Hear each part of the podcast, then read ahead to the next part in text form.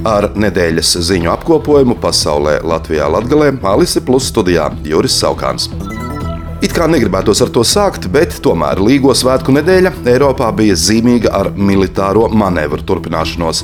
Līdz 22. jūnijam turpinājās Vācijā notiekošie lielākie NATO gaisa spēku manevri kopš augstā kara laikiem, bet ceturtdienas pievakarē NATO interneta vietnē publiskot informāciju par to, ka aptuveni 1000 karavīru un 320 transporta līdzekļu no Vācijas armijas 41. tanku grenadieru brigādes pa dzelzceļu, autoceļiem un jūru ieradās Lietuvā, lai mācībās Griffins Storm 23 pabrades poligonā netālu no galvaspilsētas Viļņas kopā ar Lietuvas karavīriem trenētos līdz 7. jūlijam. Tajā pašā laikā nepilnu pusotru tūkstoti kilometru uz dienvidu austrumiem no Viļņas turpinās īsts karš.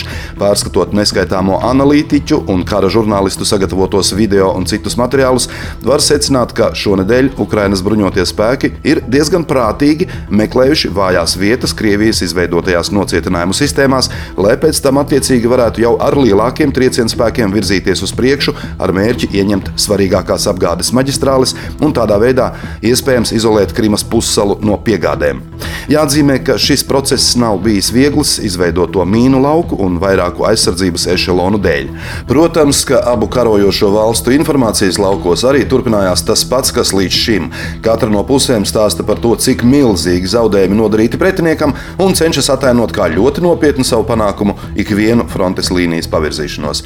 Kā asprātīgi izteicās kāds no YouTube vlogeriem, Krievijas oficiozos šonadēļ esot figurējuši tādi cipari par bojā gājušo un ievainoto Ukrainas karavīru skaitu, kas pārsniedz reāli no Ukrainas puses šajās dienvidrietumu virziena operācijās iesaistīto karavīru kopskaitu. Līdz ar to izskanēja retorisks jautājums, kā tad var būt tā, ka kāds vispār vēl turpina cīnīties. Nākamais retoriskais jautājums ir, vai vispār jebkad būs iespējams apzināt reālos zaudējumus, kas radīsies šajā konfliktā, tam turpinoties.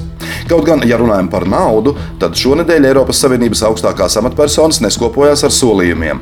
Eiropas komisijas prezidente Urzula Fonderleina paziņoja, ka ierosinās Ukrainas atjaunošanai izmantot iesaldētos Krievijas aktīvus, bet Eiropas Savienība līdz 2027. gadam nodrošinās 45% no Ukrainas atjaunošanai nepieciešamā finansējuma. Arī Eiropas komisijas priekšstādātājs izpildvietnieks Valdis Dombrovskis, jaunā vienotība, nāca klajā ar projektu, kura būtība ir tāda, tā kā investēt valstī vai īstenot biznesu ar valsti, kas ir kara apstākļos, ir ļoti riskanti, tad tiekot strādāts pie svarīga Eiropas rekonstrukcijas un attīstības bankas pilota projekta, kuram arī Eiropas Savienība garantiju formā sniegs savu atbalstu.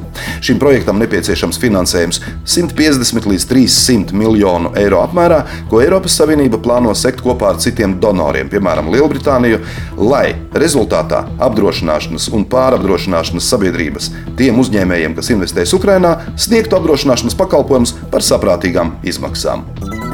Ukrainas konfliktu šonadēļ starptautiskajās ziņu lentēs un raidījumos aizēnoja traģiskie notikumi, kas risinājās Atlantijas okeānā, kur trīs miljardieri bija nolīguši par 750 tūkstošiem dolāru izpētes batiskafu, lai savām acīm palūkotos uz Titanika vraku nepilnu 4 km dziļumā.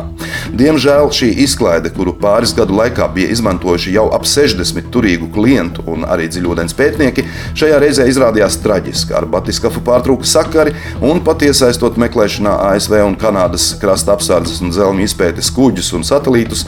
To joprojām neizdevās uzmeklēt, un ceturtdien vēl vakarā operatora kompānija paziņoja, ka visi pieci batiskafā esošie cilvēki uzskatāmi par gājušiem bojā.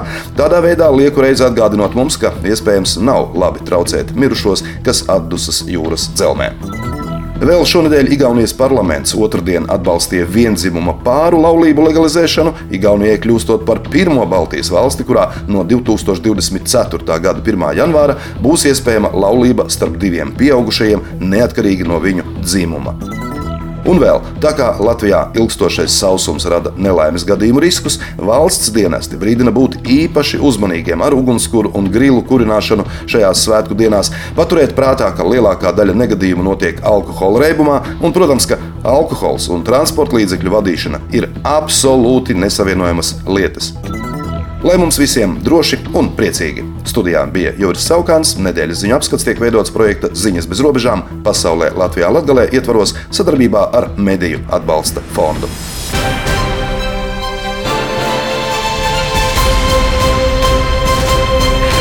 Алиса Плюс Радио